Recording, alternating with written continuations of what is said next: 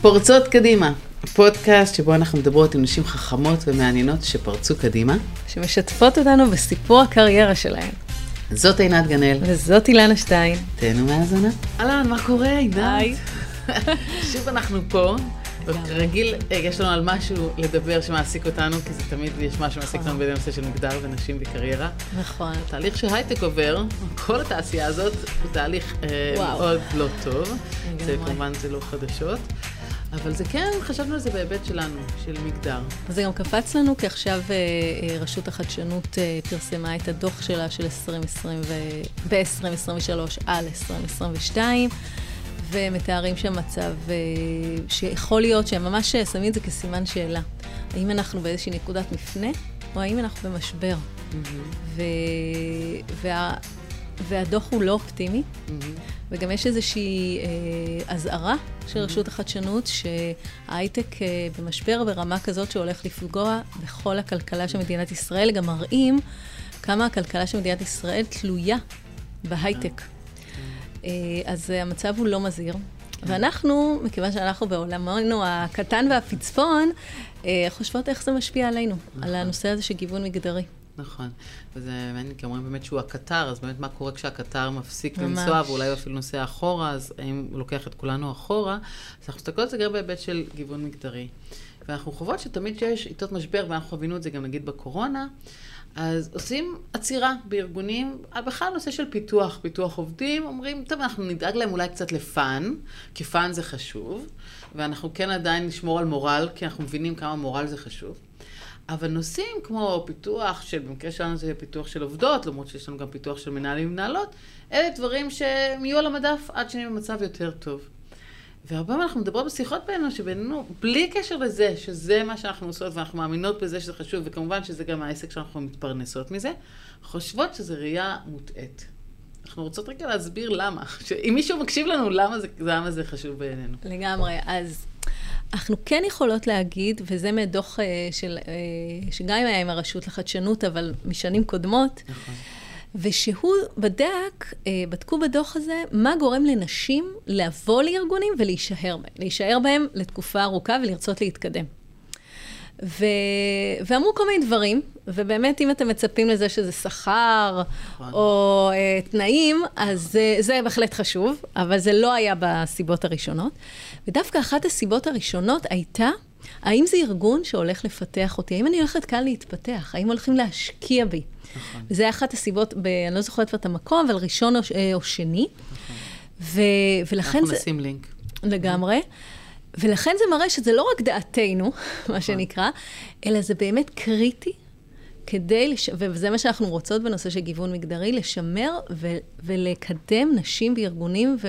ולהביא נשים לארגונים. בדיוק. ומה ש... שמעניין זה שהרבה אנשים חושבים באמת שזה הסיבות האחרות שאמרת. אבל נשים אמרו, וזה הסקר שנעשה בהייטק, זה לא כל התחומים, זה בהייטק, והם אמרו, אם יש מנהל או מנהל שמדברים איתי על אופק מקצועי. אה, ואנחנו גם יודעות משיחות שלנו, כבר לא קשור לסקר, שגם אחד הדברים שמסתכלות זה האם יש עוד נשים, וזה יתחבר לשיחה שתהיה לנו היום. אז הנושאים האלה, הם איך תביאו עוד נשים, בזה שתביאו עוד נשים, ואז כשנשים אחרות יראו, אז יהיה לכם יותר קל להביא אותן, ואנחנו יודעות את זה גם מארגונים שהחליטו לשים לעצמם את זה כיד, לגמרי. ושמו על זה את הזמן ואת המשאבים. הם גם הצליחו בזה. אז אנחנו אומרות שנכון שבתקופות משבר צריך להצטמצם, אבל הצמצום הזה צריך להיות במקומות שלא יפגעו בכם בעתיד, או לפחות יפגעו בכם כמה שפחות. ובעינינו, לא להשקיע בנשים שנמצאות, ולא להשקיע בלהביא נשים, זה יפגע בכם בטווח הרחוק, יותר מאשר אולי קיצוצים אחרים שצריך רגע לחשוב, כששמים אחד מול השני, האם באמת דווקא הנושא של גיוון מגדרי, זה הנושא שאנחנו שמים בצד, כי הוא פחות חשוב כרגע. לגמרי, וגם אני בטוחה שגם גברים ישמחו מאוד להתפתחות במקום העבודה. נכון. זה לא מיוחד לנשים, אבל נשים ציינו את זה כמשהו מאוד מאוד קריטי עבורן. אה, וכמו שאמרת, אה, אנחנו גם יודעות, שוב, אז הייטק יכול לבוא להגיד, הייטק כבן אדם, כן. יבוא ויגיד, אבל אני במשבר. נכון. עכשיו את רוצה, בסדר, שאני אהיה במצב טוב. נכון. ומה שאת אומרת, ואנחנו גם יודעות את זה עם מחקרים, שכמובן יש עוד הרבה סיבות להצלחות עסקיות. כמובן שזה לא רק מה שאני הולכת להגיד עכשיו, אבל גיוון מגדרי, ולא רק מגדרי, בכלל, הנושא הזה של diversity, ומנהיגות שהיא אינקלוסיבית, אה, בתוך ארגונים, ובטח בהנהלה, mm-hmm. במקומות שמתקבלים ההחלטות. אם יש לנו גיוון, זה, המקו, זה הדבר שהכי עוזר להגיע לתוצאות עסקיות טובות יותר, ובטח בעידן של משבר ואי-ודאות. כי ברגע שיש לנו הרבה מאוד זוויות ראייה שיושבות בחדר, וכל אחד נותן את הנקודה שלו, אומרים, ובאמת, זה גם מחקרים, כמובן, אנחנו מסכימות עם זה, נכון. זה באמת יכול להוציא אותנו מהמשבר, רואים את זה, ראו, ראו את זה גם בקורונה, וראו את זה במשברים אחרים. אז זאת אומרת, בואו לא נקצץ בדבר שיכול להיות דווקא מנוף ליציאה מהמשבר. נכון. ויש כאלה שאנחנו יודעות דווקא בהייטק, שעונים לנו, אבל אני באמת לא רואה הבדל בין גברים לנשים, ולכן זה לא משנה אם יש נגיד בהנהלה אישה אחת, או שלוש, או ארבע, נכון. כי הם כמו גברים. אז למי שחושבים או חושבות את זה, אז מחקרים מראים שכן, גם הנהלות בחירות, ברגע שיש יותר נשים, יש להן תוצאות עסקיות יותר טובות. ככה נראה חייב יותר משלושה, יותר משלוש נשים. וזה כנראה כן מראה שיש הבדלים, למרות שאנחנו רוצים אולי לחשוב שאין הבדלים מגדרים, וגם על זה נדבר היום צפרית. יש הבדלים, ולכן כן יש נקודות מבט שונות, כי לפעמים יותר קל להבין את זה כשחושבים, טוב, אני אביא אנשים נגיד מדיסציפלינות שונות, שלמדו דברים שונים, נכון. אולי אפילו מרקע שונה בארץ, או נכון. רקע תרבותי שונה, אולי נכון. הם, הם הגיעו ממדינות אחרות, נכון. הגיעו אולי כן מסורתיים, לא מסורתיים, זה קצת יותר ברור לאנשים. ואז אנחנו באות ואומרות שהגיוון הוא גם נכון ברמה המגדרית, אומרים, לא, אבל זה, מה זה משנה עכשיו אם זה גבר מתל אביב או אישה מתל אביב? משנה. אגב, אה, לסיום אני אגיד, ככה לפני שנפתח את הפרק, אה, מה שנקרא סיום החלק הזה, ואנחנו עוד מעט נדבר עם צפרית, אז אה, אל תלכו לשום מקום. זה שזה לא רק הגיוון אפילו עם נשי או מגדרי או דבר אחר, החשיבה של גיוון. Mm-hmm. כבר התפיסה הזאת משנה. זאת עצם זה שאני כל הזמן חושב איך, או חושבת איך להביא זוויות אחרות, איך להביא גיוון אחר, זה כבר uh, מביא להצלחות עסקיות יותר טובות. אז אפילו אם זה לא נשים, גברים uh, וכולי, אז... תודה רבה, אילנה, איזה כיף כן. לשוחח איתך שוב, אנחנו נעשה את זה עוד ועוד. ויאללה, עוברות לצפרית. אז uh, צהריים טובים. אהלן. אנחנו היום עם אה, צפרית פארקר, ותכף היא תספר על עצמה, ואנחנו היום נדבר גם על מסלול קריירה מאוד ייחודי שלך, שהוא יוצא דופן, ואפשר למצוא, לנחש בבית איזה מקצוע יוצא דופן יש לנו פה היום. אה, ונשמע איך הייתה לך החוויה הזאת של להיות לא רק במקצוע יוצא דופן, אלא גם להיות אישה יחידה, בדרך כלל עם הרבה גברים, גם בלימודים וגם בעבודה, ועוד כל מיני תובנות שליקטת בדרך. אז איזה כיף שאת איתנו. איזה כיף להיות כאן. נעים מאוד. תודה שהזמנתם אותי. אז האמת שעוד לפני שאת מספרת על עצמך, אני לא יודעת אם זה לגיטימי, אבל אני אשאל בכל זאת. יש סיפור מאחורי השם הזה, צפרית? וואו, טוב, את שואלת שאלה שאני נשאלת כל יום. ברור, ברור שיש אז סיפור. אז את מוכנה. ברור שיש סיפור. המשמעות של השם, קראו לי ככה על שם סבתא ציפורה. חצו איזה משהו דומה. אה, מסתבר שזה שם שקיים במילון, והפירוש שלו זה שיר בוקר. כמו שצפריר זה רוח בוקר, וואו. אה, אז צפרית זה שיר בוקר. אוי, זה ממש פירוש מהמם. כן, גם אני חושבת. וואי, גם למדנו משהו וגם זה מהמם. כן. וגם על צפרי, רוח בוקר. כן. שניהם כן, מהממים. כן. אוקיי. הייתי צריכה לדעת את זה לפני הילדים. אה, אוקיי, אז אני אשמח שככה תספרי על עצמך ונתקדם משם. אוקיי, אז אה, אני סמנכ"לית הבטיחות ואיכות הסביבה באלביט מערכות, חטיבת יבשה ותעש. כבר 23 אה, שנה בתעשייה, בתעשייה הביטחונית. אה, לפני אלביט עבדתי בתעש. אה, במקצוע שלי אני מהנדסת כימיה, ובמהלך השנים אה, עשיתי תואר שני בהנדסת סביבה, ועוד תואר שני במנהל עסקים, והתחלתי כמהנדסת תהליך. עם השנים התפתחתי, עברתי תפקידים, הייתי ראש תחום איכות הסביבה, עוד בתעש, ובשנים האחרונות מנהלת את נושא בטיחות ואיכות הסביבה שהוא מאוד ייחודי בתעשייה ביטחונית כמו שלנו. Uh, מעבר לנושאים שגרתיים בבטיחות, uh, בטיחות בעבודה, בטיחות אש, איכות הסביבה, שזה נושא יחסית מוכר, יש אצלנו גם את הנושא של בטיחות בנפיצים. אנחנו מתעסקים בחומרי נפץ, אנחנו מייצרים חומרי נפץ, יש לנו מערכות uh, נשק uh, מתקדמות uh, שמשווקות בארץ ובעולם, ויש מאחורי הדבר הזה הרבה אישויים שקשורים בבטיחות, בכל העולמות. בעולמות הייצור כמובן, והתפעול, אה, ההנדסה, האיכות, אה, אפילו ביחידות העסקיות, זאת אומרת, זה תחום מאוד, בעיניי, סופר מעניין, שנוגע בהכל. אה, זהו, ואני האישה הראשונה בתפקיד הזה. וואו. סמנכ"לית, ואלביט. כן, לא, יש עוד סמנכ"ליות, אבל בנושא של בטיחות ואיכות הסביבה, כן, האישה הראשונה. תמיד היו בתפקיד הזה בעבר גברים. לא, לא באופן מפתיע מאוד, כן? אה, כן, ואני מאוד אה, נהנית. זהו, האמת שכשאני הכרתי אותך, אז בטיחות וכימיה לא הבנתי את הקשר, ועכשיו אני יותר מבינה שיש לנו חומרים נפיצים, אז כן, אני יותר... כן, יש אצלי באגף לא מעט מהנדסי כימיה, מהנדסי חומרים, גם מהנדסי מכונות. כן, אלה העולמות. לגמרי, וגם אנחנו מכירות קצת את הצוות שלך, ויש לך צוות מדהים. אני יודעת שאת מובילה אותו ביד רמה ובהמון המון אה, אהבה. אה, וככה, אני אשמח לשאול אותך, אה, באמת אמרת 23 שנה, זה המון המון שנים. נכון. למרות שגם אני קולטת שגם אני וגם אילנה, וזה כל פעם כזה, לא יכול להיות. אנחנו פחות או יותר אותם שנתונים. כן. לא, איך זה יכול להיות אם אנחנו רק בנות 25? בדיוק, גם ממש לא מסתדר לי, אבל בסדר. כן. הנושא הזה של נשים וקריירה, שזה נושא באמת של הפודקאסט שלנו, אה, מתי ככה פגשת אותו לראשונה? בדרך כלל אנחנו אומרות שזה איזשהו רגע כזה בחיים של הקריירה המאוד מאוד גדולה, שפתאום אנחנו אומרות, רגע, זה אישו, זה נושא. הנושא המגדרי הוא לגמרי אישו. אני חושבת שתמיד הוא היה ברקע. אה, לאורך השנים, במהלך הקריירה שלי. דרך אגב, בשנים הראשונות כאישה, התעלמתי מהמילה קריירה, זה היה עבודה. Mm. בהמשך קראתי לזה גם קריירה, הבנתי, רגע, אני באמת עושה קריירה. מעניין. אמ, ואני חושבת שזה צף אצלי בערך לפני שלוש שנים, זאת אומרת, זה קיבל בוסט, מה שנקרא. אה, הייתי אז בקורס שנקרא אה, בית ספר למנכ"ליות העתיד, קורס של ארגון סופרסונס, שבא לשים אה, נשים בעמדות השפעה. אה, בשיתוף עם הבורסה לניירות ערך, הוא היה מיועד לסמנכ"ליות בחברות אה, ציבוריות. שמי שמובילה את זה זה חנה רדו, המדהימה. מי שמובילה את זה זה חנה רדו המדהימה באמת. נכון. אה, ובקורס הזה, חוץ מהתוכן הניהולי שקיבלנו, והיינו רק נשים, קודם כל זאת הייתה קבוצה מדהימה של כ-20 נשים, מבחינתי זה, וואו, כאילו, אני ביום יום שלי כמעט רק עם גברים. לבוא uh, למסגרת כזאת okay. כן. שהיא רק עם נשים, זה היה שונה, ואז הבנתי, וואלה, זה חסר לי ביום-יום. אה, כי נוצרה ככה איזושהי אחווה כזאת בין אנשים, ומה שאמרתי, חוץ מהתוכן הניהולי שקיבלנו שם, כל אה, מפגש היה מסתיים במעגל אתגר, שכל פעם מישהי אחרת הייתה מעלה איזושהי סוגיה, אה, דילמה מהקריירה שלה כמנהלת אישה. וכל אחת הייתה ככה מתייחסת ואומרת איפה זה פוגש אותה, ומסיעה עצה לזאת שהעלתה את הדילמה. ואני ככה הייתי חוזרת מהמעגלי אתגר האלה נסערת. וואו. כלומר, הבנתי שזה פוגש אותי בנקודות שהיו כנראה מאוד מודחקות במהלך השנים, ובמהלך השנים לא עשיתי עניין, בסדר, אישה, so what. אני טובה, אני בסדר, מתקדמת. לא עשיתי כאילו עניין mm-hmm. מזה שאני אישה, אה, אבל בדיעבד זה עניין.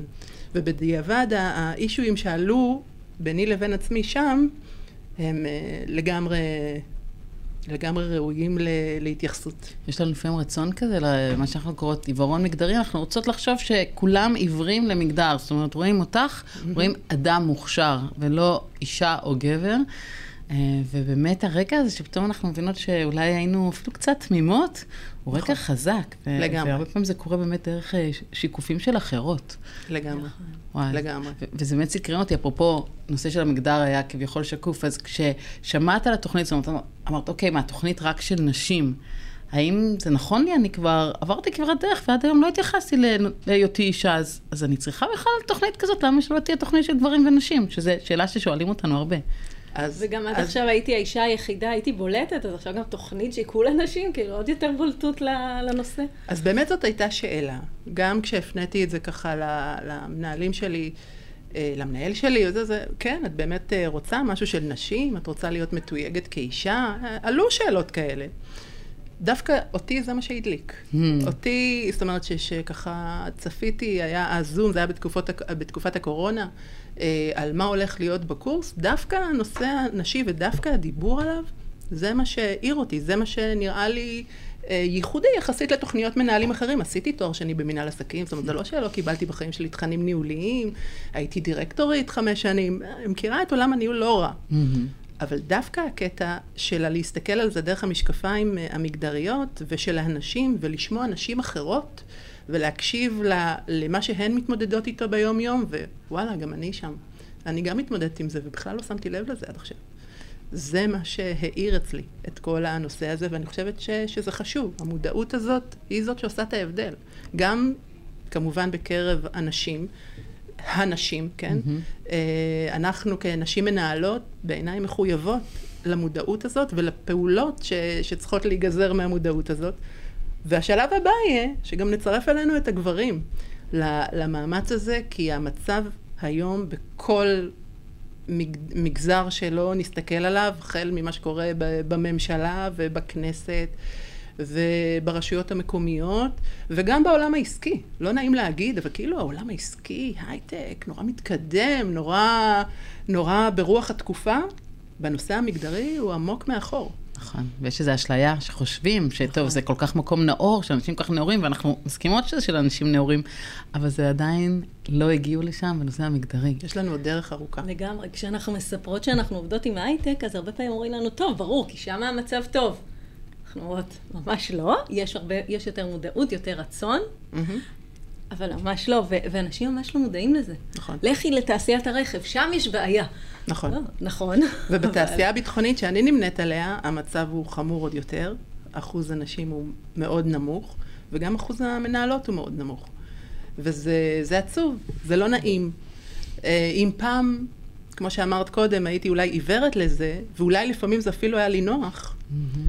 היום אני, זה מאוד לא נוח לי. זה מאוד לא נוח לי אם אני האישה היחידה בחדר, זה מאוד לא נוח לי אם מצטלמים תמונה ואני האישה היחידה בתמונה. זה מאוד לא נוח לי לבוא לכנס מקצועי שאני האישה היחידה בו, זה לא נוח. אני לא חושבת שזה ראוי, אנחנו 50 אחוז, יותר מ-50 אחוז. למה שלא נהיה גם שם?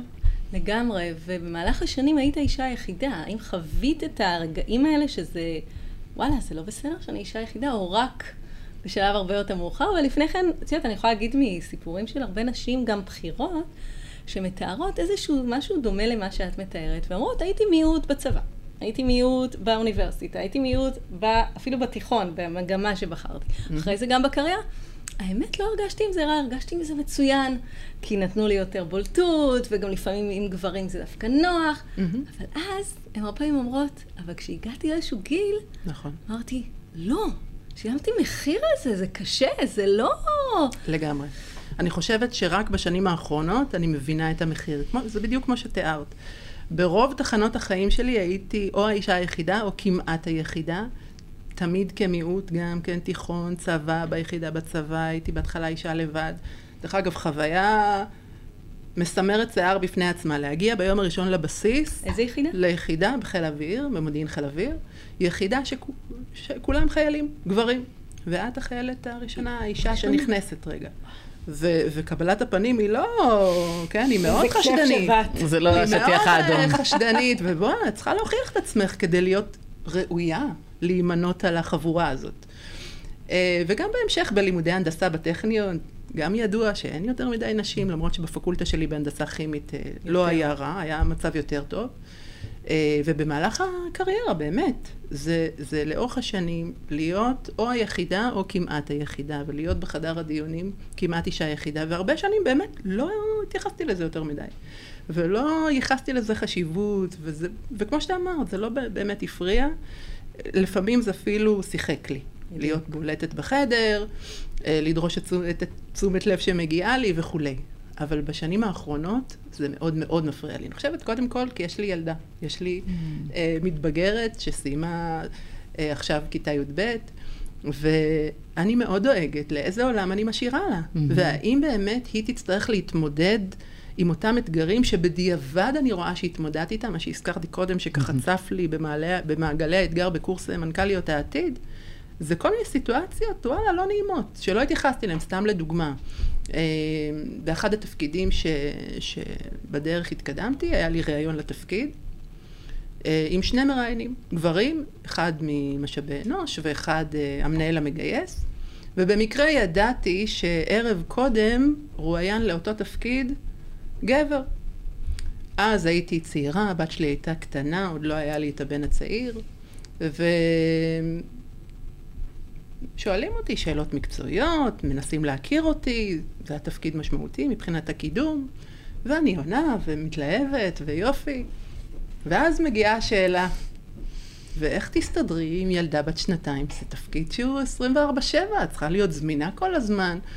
איך זה מסתדר? מדהים. נכון. מישהו שם פתאום את המשקפיים של המגדר מול העיניים שלך. מול העיניים שלי, ואני מוכרחה לציין שעד אותו שלב זה לא היה. זאת אומרת, אני לא הרגשתי שהיה אישו אה, עם העניין הזה שאני אישה, שנכנסתי להיריון, שיצאתי לחופשת לידה, שיש לי ילדה קטנה בבית. באמת לא הרגשתי קודם אה, את העניין סביב זה, ופתאום הוא מציף לי את זה מול העיניים. ומאוד כעסתי, זאת אומרת, הרגש המיידי היה כעס. מה הוא שואל אותי את זה בכלל?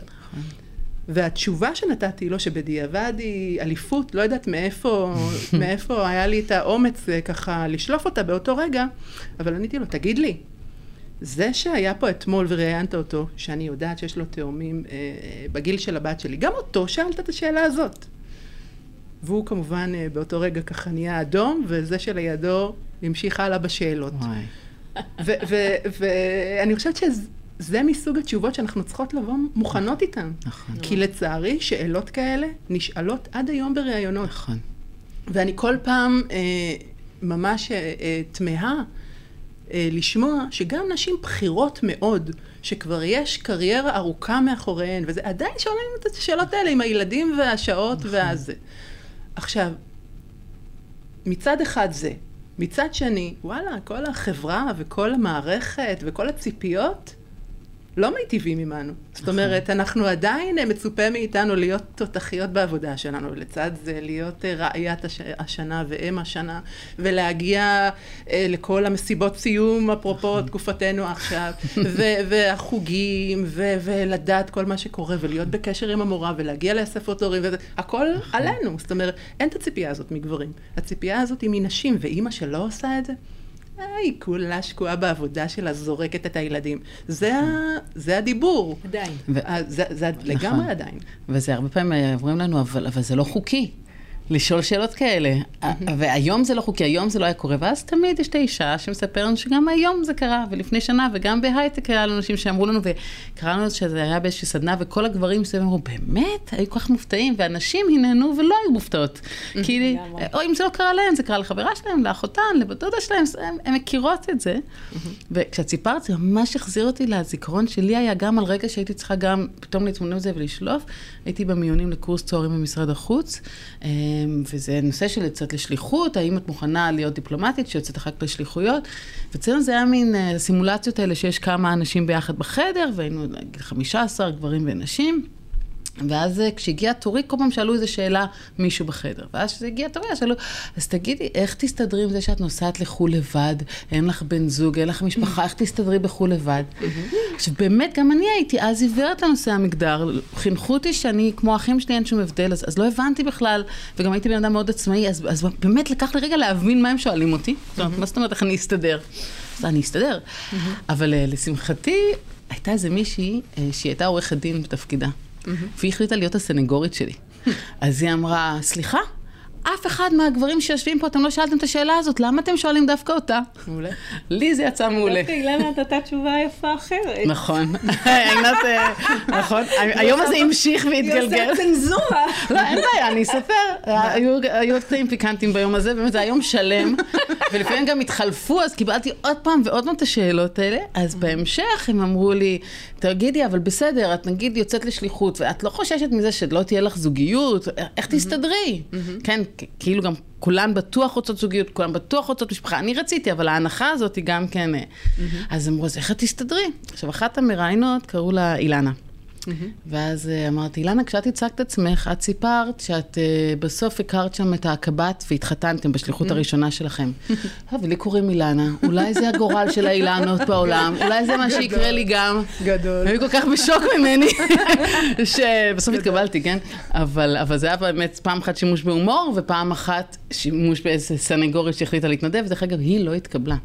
וזה יכול להיות בגלל שהיא הייתה קצת לוחמנית בעניין הזה, אה, ואני חושבת שזה לא הוגן, כי למעשה היא נתנה להם מראה, עינת ואני קוראת לזה מראה, מראה שהיה צריך לתת להם. כי. זה...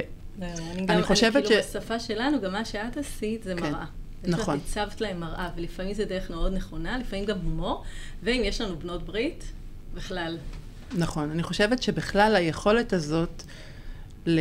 אני קוראת לזה לשבש את uh, מה שהצד השני רגע עשה לנו פה, לזהות את זה, שהוא מנסה לגמרי. לשבש אותנו, גם אם לא במתכוון, דרך נכון. אגב. הרבה פעמים זה ממש לא בכוונה. אבל לראות איך uh, משבשים לו חזרה, uh, ודרך, והשיבוש יכול להיות בכל מיני uh, מענים, לאו דווקא בלהכניס לו. בסדר? לגמרי. זה כמו שאמרת, זה יכול להיות בהומור, זה יכול להיות אפילו רגע שנייה להתעלם, לא להתייחס, להמשיך הלאה. לא לתת לצד השני, גם אם לא במתכוון, להקטין אותך, להתעלם ממך, להסגביר לך, את מבינה את הדברים האלה? אתם, אתם בוודאי מכירות את הדברים האלה. אז. אז זה בכלל, זה לגמרי יכולת שצריך לדעתי לשפשף אותה אה, במשך השנים. נכון, כן. כי גם אילנה אמרה קודם שכאילו עכשיו זה לא חוקי, אבל הטיות הן נמצאות. מהמם, ולכן גם אם הוא לא ישאל אותך כי זה לא חוקי, מהמם, הוא יחשוב על זה. נכון, ולפעמים זה יותר בעייתי. נכון, כי עם מחשבה קצת הרבה יותר קשה להתמודד. נכון. אז דווקא לפעמים זה ששם לך כבר את זה מול הפנים, יכולת, היה לך את הכלי להתמודד, והרבה פעמים אנחנו מתמודדות עם הרבה מצבים של איזשהו עיוורון, מהמם. או איזה שהן ציפיות והטיות שאנחנו לא יכולות להתמודד איתן. נכון. ומעניין אותי ככה איך את באמת לאורך הדרך, אה, אני יודעת מהיכרות איתך שאת מאוד, הנושא הזה של נשים, ולקדם נשים, ולהביא יותר נשים לעמדות הובלה והשפעה, זה משהו שממש בוער בך. נכון. וגם דיברת על זה שהיית רוצה לייצר גם אה, בני ברית גברים לנושא הזה. לגמרי. אני אשמח ככה מה, מה את עושה ב- בתחום הזה. אז uh, באמת uh, זה נושא שמבחינתי הוא לא פחות חשוב מהעבודה היום. זאת אומרת, עם כל הכבוד לתחומים שאני מתעסקת, בטיחות ואיכות הסביבה, שאני מאוד אוהבת והם בנפשי, ואני באמת uh, נותנת את כל מרצי בהם, אני כל הזמן מחפשת את המקומות שאני יכולה לתרום uh, כאישה לאישה, לאישה אחרת, לנשים אחרות. Uh, ובאמת, קודם כל, אני חושבת שיש לי את המסוגלות לזה, ולזהות את המסוגלות ולזהות שיש בי מה לתת, זה לא כך מובן מאליו. אה, לקח לי זמן להבין את זה, שוואלה, עברתי, יש לי מה לתת, אני רוצה להעביר את זה הלאה. אז אה, יש לפעמים אצלנו... גם נשים, אני אעצור אותך לשנייה, כי אני רוצה שתתייחסי גם לזה. גם כשהן מגיעות לעמדות שלך, הן לא רוצות גם להיתפס כמרימות את הדגל של נשים בכל מקום. אני לא מבינה למה. בעיניי זה דגל שאני מאוד גאה שאני נושאת אותו. אה, אני לא מתביישת לקרוא לעצמי פמיניסטית, אני לא מאלה, אני פמיניסטית, שוויון אה, נשים זה דבר שהוא מאוד מאוד חשוב לי, שוויון הזדמנויות לנשים, זה נראה לי משהו שהוא בסיסי וכל אישה וכל להתנגד. אדם לגמרי. אה, חייבים לשאוף אליו. ואני באופן אישי, קודם כל משתתפת בתוכנית מנטורינג אצלנו באלביט, תוכנית מדהימה שנקראת בבושקה, שמי שיזמה אותה זאת לירון שפירא, האחת והיחידה.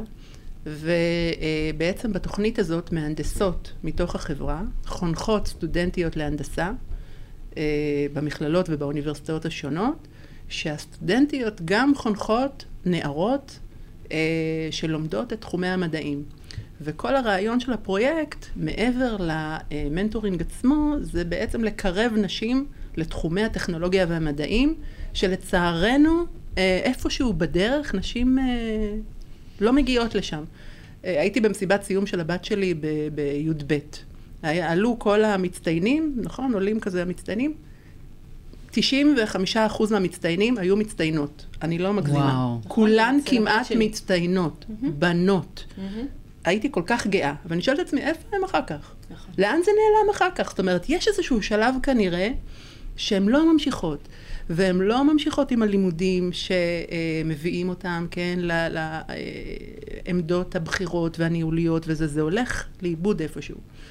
אה, אני חושבת שהפרויקט הזה של בבושקה, ולי, אה, כן, אני כבר שלוש שנים אה, מתנדבת בפרויקט הזה, והיו לי שלוש, יש לי שלוש סטודנטיות, כי אני עדיין בקשר איתן, זאת אומרת, גם הסטודנטית מהשנה הראשונה, זה מבחינתי קשר שהוא, שהוא לעד. נכון. והאפשרות הזאת להיות כמו אחות גדולה, שלא להגיד אימא, כן? אה, לאישה שהיא באמצע שנות ה-20 שלה, שהיא בשיא הבלבלות שלה, תחשבו על זה, היא לומדת לתואר ראשון, היא מתלבטת האם להמשיך לתואר שני, האם אה, לעזוב את האקדמיה וללכת לעולם סייעת. העבודה, איך אני כותבת קורות חיים, איך אני בכלל מתמודדת עם ראיון עבודה. ולא מלמדים את זה בבית ספר. לא מלמדים את זה בבית ספר. יש לה הזדמנות, היא באה אליי לעבודה. אני לוקחת אותה איתי לישיבות. מדהים. היא רואה איך הדברים מתנהלים. אה, באמת, יש לה אפשרות אה, לצפות בזה מבפנים ולקבל ממני את כל התובנות שאני רק יכולה לתת ואני נותנת אותן באהבה. אז זה mentoring מסוג אחד.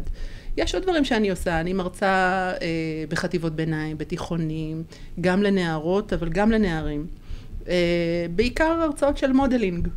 אה, זאת אני, משם הגעתי, אה, גם אתם יכולים. זאת אומרת, אני לא חושבת ש, שאני איזה מיוחדת אה, מדי, גם אתם יכולים להיות בדיוק ככה, יותר עניין של you can't be what you can see, mm-hmm. אז זה עונה על, על העניין הזה.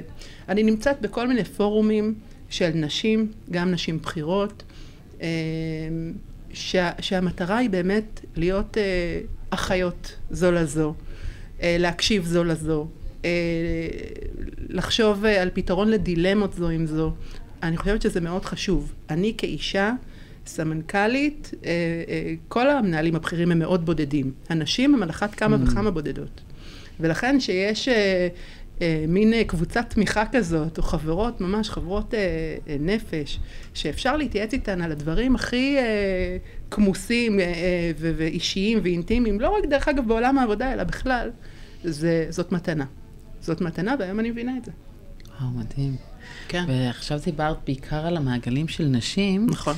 אמ, והנושא הזה של גברים, איך אפשר לרתום אותם, והאם היה מישהו שהיה, מה שאנחנו קוראות בן ברית עבורך, כי אנחנו חושבות שזה חשוב לגייס אותם, ויכול להיות שיש להם גברים שיאזינו לנו בתקווה, mm-hmm. ומה הם יכולים לעשות? מה יכול לגרום להם להיות חלק מהסיפור הזה? כי גם אנחנו חושבות שכל אדם באשר הוא צריך להאמין בשוויון הזדמנויות, גם אם הוא חושב נגיד על הבנות שלו, אבל גם אם הוא חושב על זה שהוא פשוט רוצה שהעולם יהיה הגון יותר. לגמרי.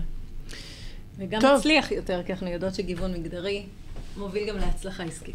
אתם יודעים, אפרופו פרויקט בבושקה שדיברתי קודם, כשעשיתי את השיחת סיכום עם הסטודנטית שחנכתי בשנה שעברה, אז אחד הדברים שהיא אמרה לי ככה לסיכום התוכנית וזה, אז היא הודתה לי על זה שהייתי עבורה מודל נשי.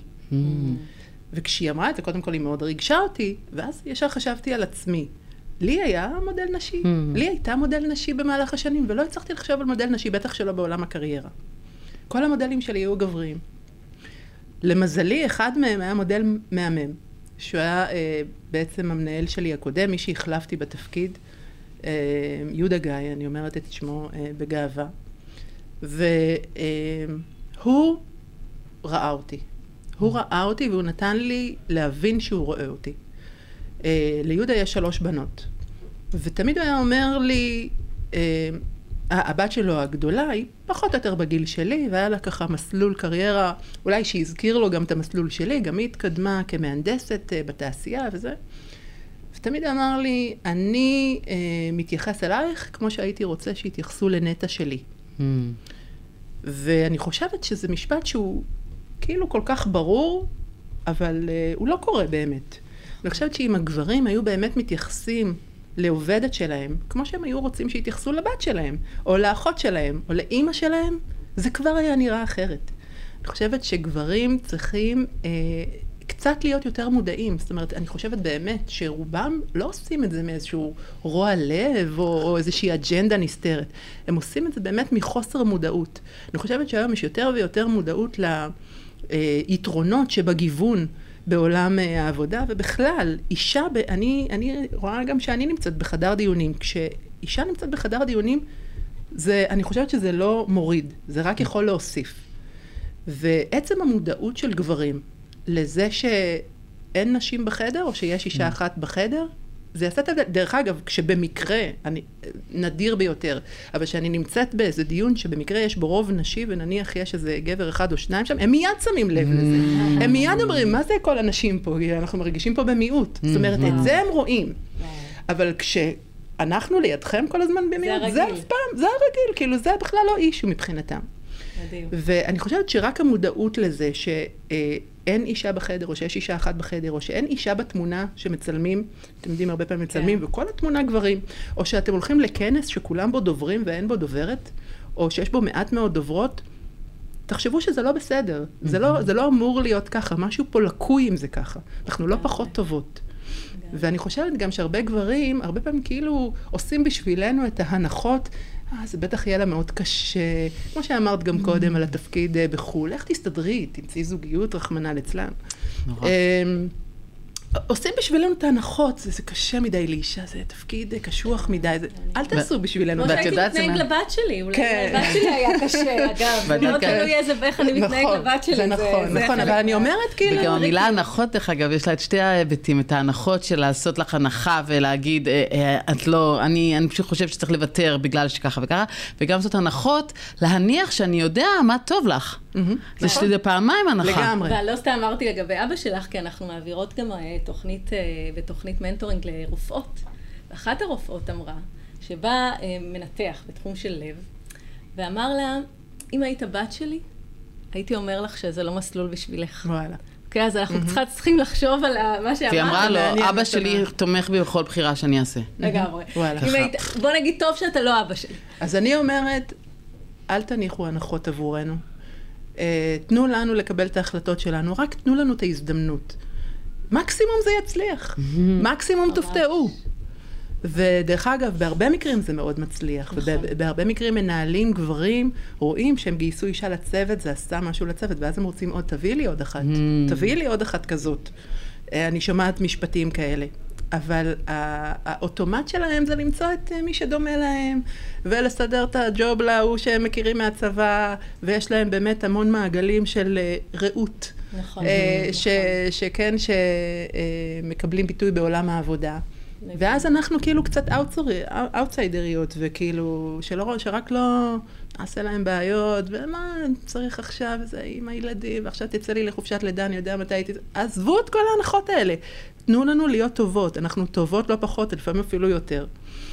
אה, יש עוד דבר, כאילו, אצל גברים, אתם מכירים את אלה שאומרים, אה, מה הבעיה? אני לא מבין, אני, אני מפלה? אם את טובה, תתקדמי.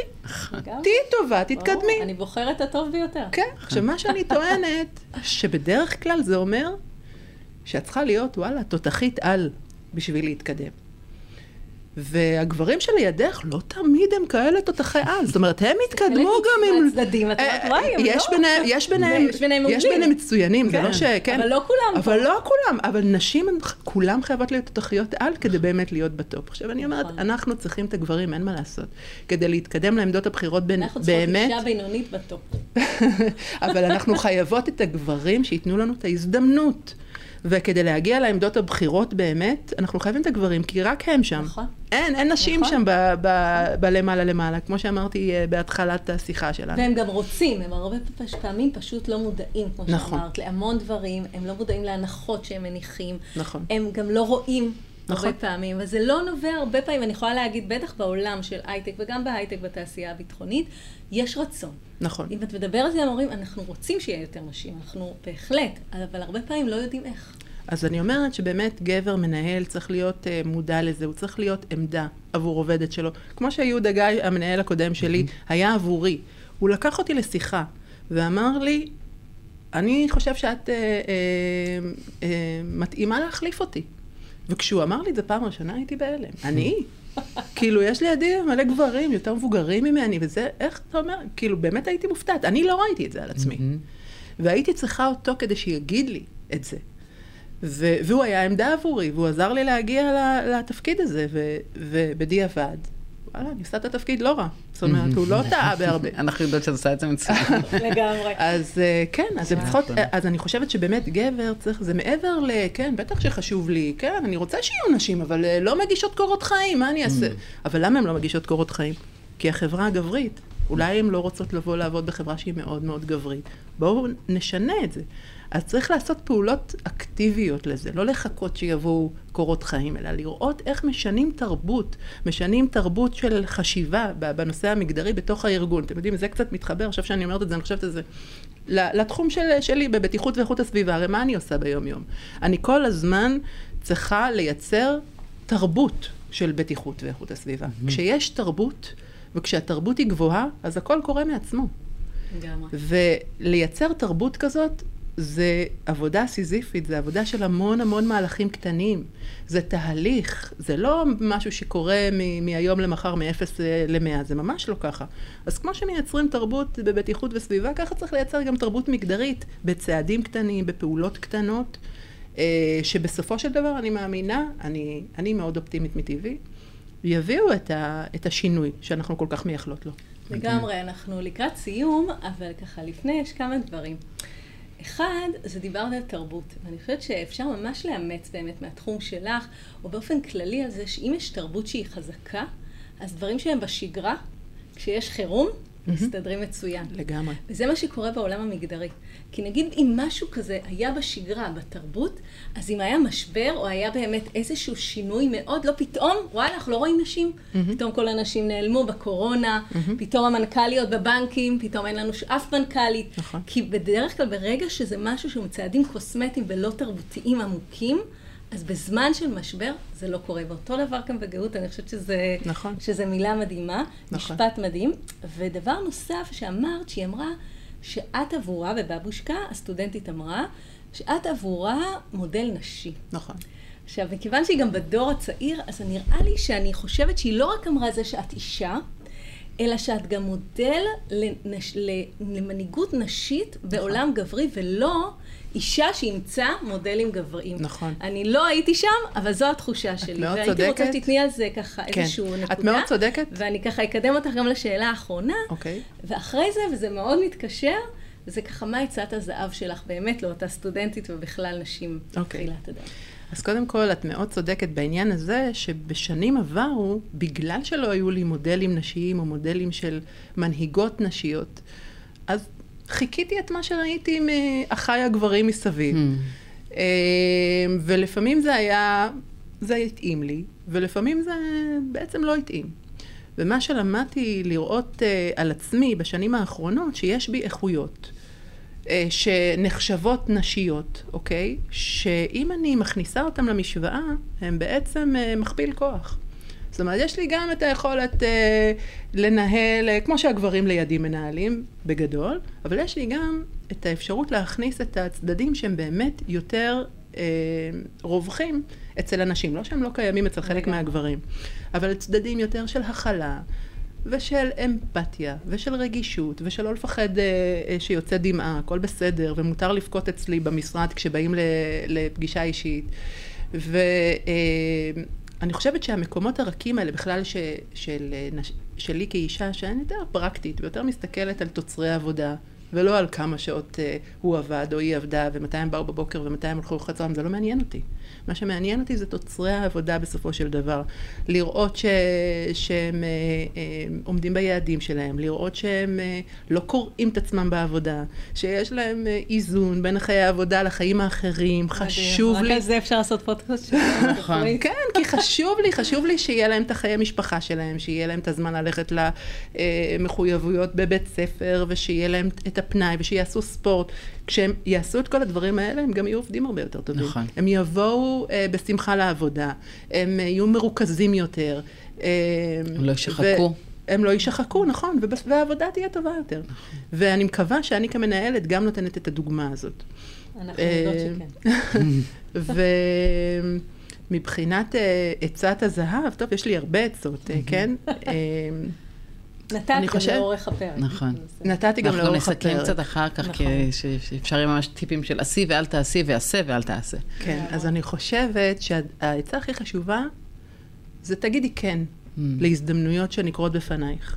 אני שמתי לב ש, שהרבה מאיתנו אנשים, גם שההזדמנות היא שם, נרתעות ואומרות לא, וחוזרות לאזור הנוח שלנו.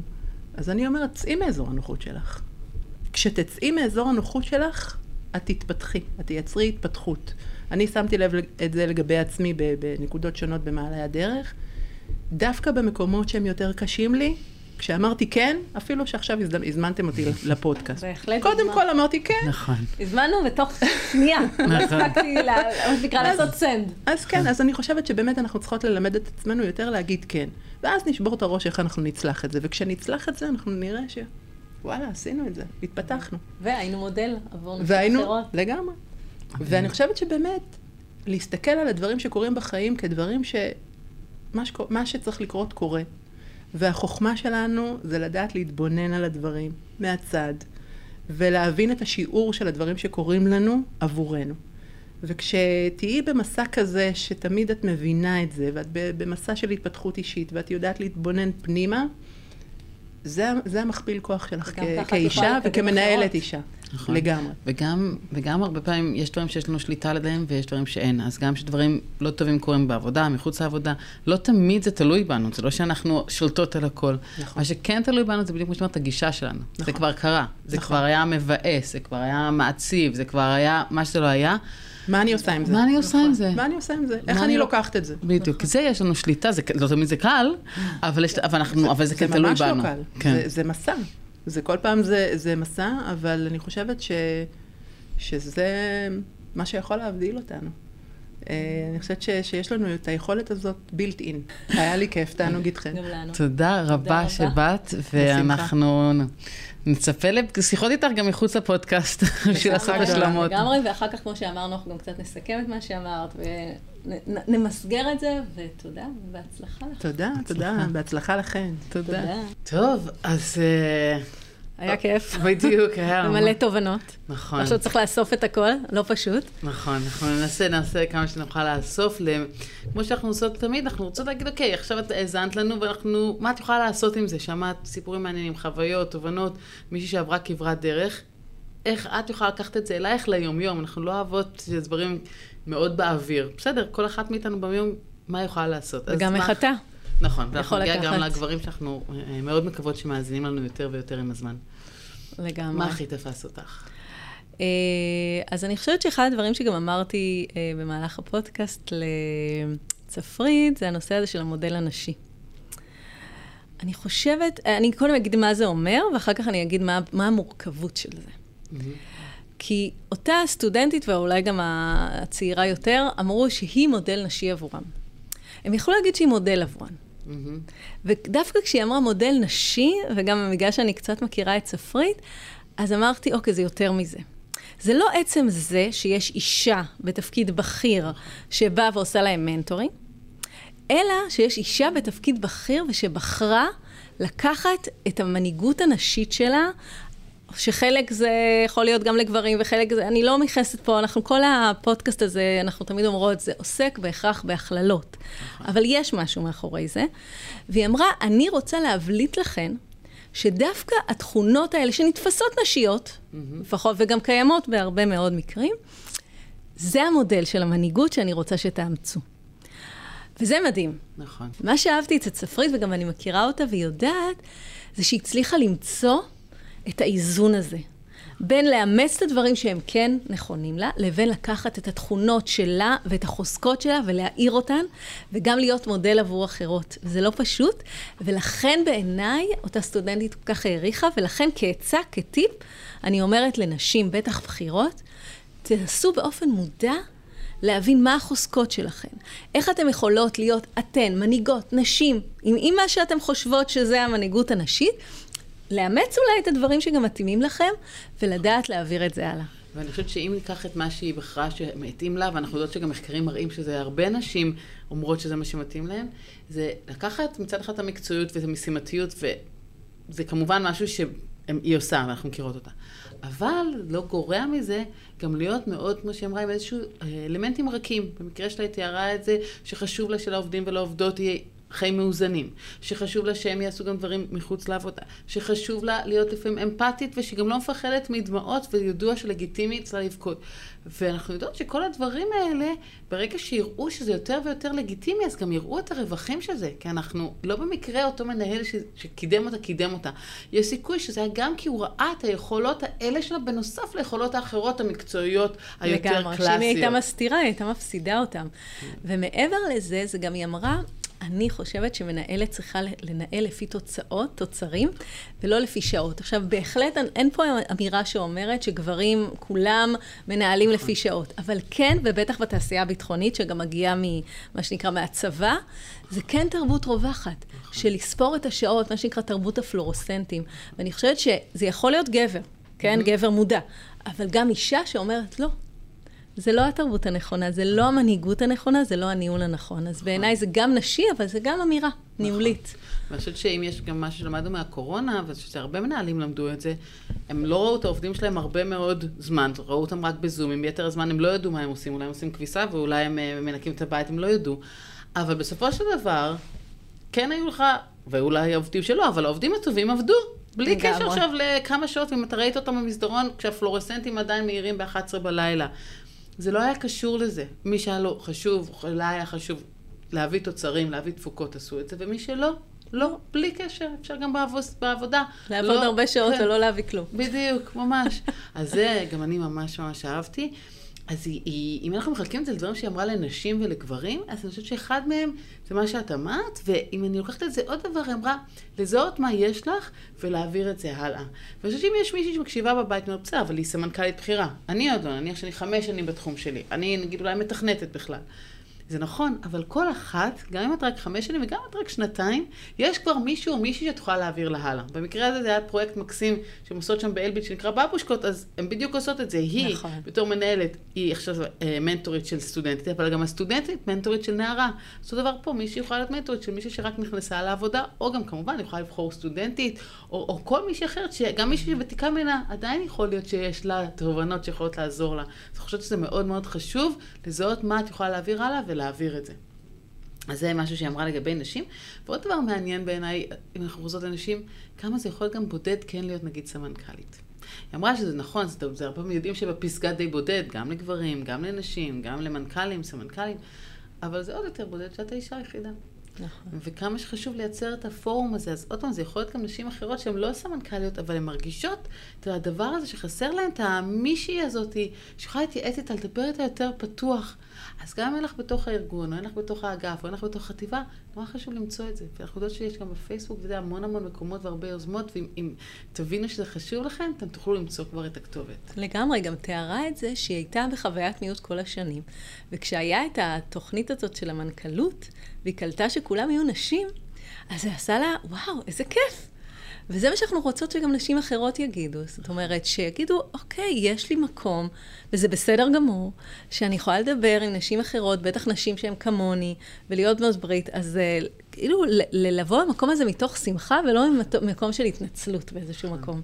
התנצלות, או אנחנו חווינו את זה, אפילו יכולה להגיד ספציפית בסדנה שעשינו איתה, שהיו נשים שהיה להם קשה להירשם לתוכנית עם נשים, כי הם הרגישו באיזשהו מקום שזה כביכול שם את המשבצת של הפחות מקצועית. אם אני שם אותי בקבוצה של נשים ורואים אותי סדנה כאישה... שעשינו באלביט, שנקראת את משנה, תוכנית, שגם אנחנו אה, אה, נשמע על זה, לדעתי, בעוד כמה פרקים, אז אה, זו הסדנה. נכון, ואז, ואז כן שכנעו אותם. אמרו, תקשיבו, תנסו. אה, וגם אמרו להם, בחרנו בכן דווקא כי אנחנו, את משנה זה בגלל שאנחנו רואות בכן מנהיגות שיכולות לשנות. כל אחת שנבחרה לתוכנית הזאת גם הייתה צריכה לקחת על עצמה פרויקט שבו היא תשנה, וזה משהו ייחודי לתוכנית הזאת של את משנה. ו, ו, ואז לאורך הדרך, ממש יכול לראות את התהליך שהן עברו, אותו תהליך שצפרית פה עברה בסדנה אחרת שהיא עשתה, אבל אנחנו יכולים לראות את זה באנשים האלה, שהן אומרות לעצמן, אה, ah, רגע, באמת יש לזה ערך שאנחנו רק נשים פה, ואנחנו נפגשות אחת עם השנייה, ואני מדברת אולי דברים שלא הייתי מדברת עם אותה קבוצה של גברים ונשים, ובעצם כולם נורא נורא מוכשרות, אז למה, למה בכלל הייתה לי התנגדות לזה? זה, זה לא משהו פחות מקצועי בכלל, לא, זה לא שהארגון אמר, אוי, היא עכשיו הקבצה ב', ניתן לה גלגלי עזר. כל כך לא. ואנחנו ממש אומרות את זה כעצה. ת, תסובבי את עצמך במעגלים של נשים בנות ברית, וזה יעזור, וזה גם עולה ויעלה בעוד פרקים שנשים בכירות מתארות את זה ככלי. נכון. ואז אם אנחנו נעבור לגברים, שאנחנו, וגם אם גברים עכשיו לא מאזינים לנו, אנחנו ממליצות לנשים לתת לגברים להאזין, להגיד להם, תקשיבו, יכול להיות שדווקא מסקרן אתכם מה, מה, מה אנחנו אומרות שאתם להגיד לא להם בחדר. מדקה כזאת עד דקה כזאת, עכשיו תקשיבו. בדיוק. תהיו זבוב בחדר רגע לשיחות שמנהלות שאנחנו לא איתכם. אז אני חושבת שיש כל כך הרבה דברים יפים, ואחת הכותרות בעיניי זה תתייחס לאותה אישה שעובדת איתך, זה לא משנה עובדת כפיפה, קולגה, גם מנהלת, כמו שהיית רוצה שיתייחסו לאימא שלך, לאחותך, לבת זוג כמו שלך, לבת. שלך. נכון, לא בהתנס- מנתח. זהו, שאני חושבת שהרבה אנשים, אני מקווה, מתייחסים מאוד בכבוד אה, לאימא, אחות, בת זוג, בת, ולא מקום פטרוני באמת, לא מקום של אני יודע יותר טוב בשבילך מה טוב לך, ואז אני גם מניח הנחה של מה טוב לך אני אגיד לך, וגם עושה לך הנחות, אני כבר, חבל, אני לא אעמיד אותך במצב לא נעים הזה שאני אציע לך משהו שאת לא יכולה לעמוד בו, נגיד טיסה לחו"ל, לאיזשהו כנס, אני יודע שנולדו לך תאומים עכשיו, אז את לא יכולה. אתה לא יודע. לגמרי. ולסיום, אה, ככה טיפ אחרון לגברים אה, וגם לנשים, אה, זה להיות מאוד אקטיביים. זאת אומרת, לא מספיק המודעות. וזה השלב הראשון.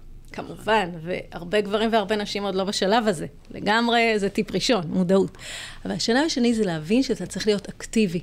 בדיוק כמו המנהל שלה, אותו אה, גיא, אה, שם משפחה, mm-hmm. שאמר, אה, הוא בא והציף לה ואמר לה, אני רוצה, אני חושב שאת מתאימה להחליף אותי בתפקיד. עכשיו, הוא יכל להגיד את זה גם לגבר, ויכול להיות שהוא גם אמר אה, בשלבים שונים בקריירה את זה גם לגברים, אבל אנחנו יודעות שלנשים עוד יותר חשוב לשמוע את זה, כי אנחנו רוצים לייצר שינוי. ולכן השינוי צריך להיות אקטיבי וכל הזמן בהרבה מאוד פעולות שלנו, וזה אה, קריטי. ומשפט אחרון, זה שהיא אמרה שהיא הייתה רוצה שיסתכלו על הנושא של התרבות של גיוון מגדרי, כמו שהיא מסתכלת על תרבות של בטיחות וגאות. ואני מאוד התחברתי לזה, וככה, אחרי אה, אה, ששוחחנו עם צפרית, אז אחד המשפטים שעלה לנו, זה המשפט שאומרים בתודעת חירום, שאומרים שאם אתה אה, מוכן בשגרה, אתה מוגן בחירום. Mm-hmm. זו סיסמה של אה, פיקוד העורף, אה, למי שככה רוצה להסתכל, או רוצה. ואני חושבת שזה ממש משפט מנצח, כי זה לגמרי נכון גם לתחום של גיוון מגדרי. נכון. שברגע שהתרבות היא תרבות שהיא מבוססת הכלה ואינקלוסיביות, ובאמת רואה את, ה, את המיעוט, וזה לא משנה אם זה נשי או תרבותי או כל דבר אחר, ועושה פעולות אקטיביות כל הזמן בשגרה. Mm-hmm. לאט לאט, צעד, בצע, בצ, אה, אה, צעד אחר צעד. ברגע שיש איזשהו משבר, ויש, למשל, יש עכשיו משבר בהייטק, קודם היה לנו את הקורונה, אז לא, אנחנו לא רואות מצב שפתאום הנשים הולכות אחורה, אלא הנשים ממשיכות, ואנחנו יכולות לייצר איזושהי המשכיות ושינוי. היו המון המון טיפים נוספים שאפשר, אבל אתם האזנתם לפרק, אז אתם לא צריכות שנסכן לכם את הכל. אה, וכל אחת, מעניין אותנו למה התחברה. זאת אומרת, האם היה רגע כזה שמישהו היה בן ברית עבורה, שהוא ראה, ראה בך אולי, משהו שאת לא ראית בעצמך, ובזכות זה לקחת סיכון, זה לא חייב להיות תמיד קידום, יכול להיות שבזכות זה את העזת לייצג את הארגון באיזשהו כנס חשוב, יכול להיות שבגלל זה העזת לדבר באיזושהי פגישה חשובה, לקחת על עצמך איזשהו פרויקט שפחדת לעשות את זה. אמרת איזשהו... כן להזדמנויות. בדיוק, יצאת מאזור הנוחות, ומה שעזר לך זה שאת הרגשת שיש לך גב, רשת, ולא רק זה שמאמינים בך, כמה שזה יכול אולי להישמע כקלישאה, אנחנו יודעות שזה כל כך, כל כך יכול להשפיע. אם נותנים לי הרגשה שאני לא יכולה ולא מאמינים בי, או שנותנים לי הרגשה של אני רואה בך, גם אם את לא רואה, את תצליחי. כל כך יכול לשנות. אז ממש נשמח שתשתפו אותנו, ו... ותודה על ההאזנה. תודה. שמחות שהאזנתם והאזנתן לפרק הזה בפודקאסט שלנו. מוזמנות ומוזמנים לפרקים הבאים. אז כדי שזה יקרה ותוכלו להקשיב לנו, אז אתם כמובן מוזמנות ומוזמנים לעשות subscribe, אה, מה שנקרא ללחוץ על הכפתור האדום. אה, לפודקאסטים הבאים שלנו, וזה אפשר לעשות את זה בכל הפלטפורמות האהובות עליכם ועליכן, שבו אתם שומעים את הפודקאסטים שלכם. וכמובן, ישראל היום, שעושים איתנו כאן שיתוף פעולה, וזה מבורך ביותר. וגם ברשתות החברתיות, בלינקדאין, בפייסבוק, ממש אה, מחכות לראותכם ולראותכם. תודה.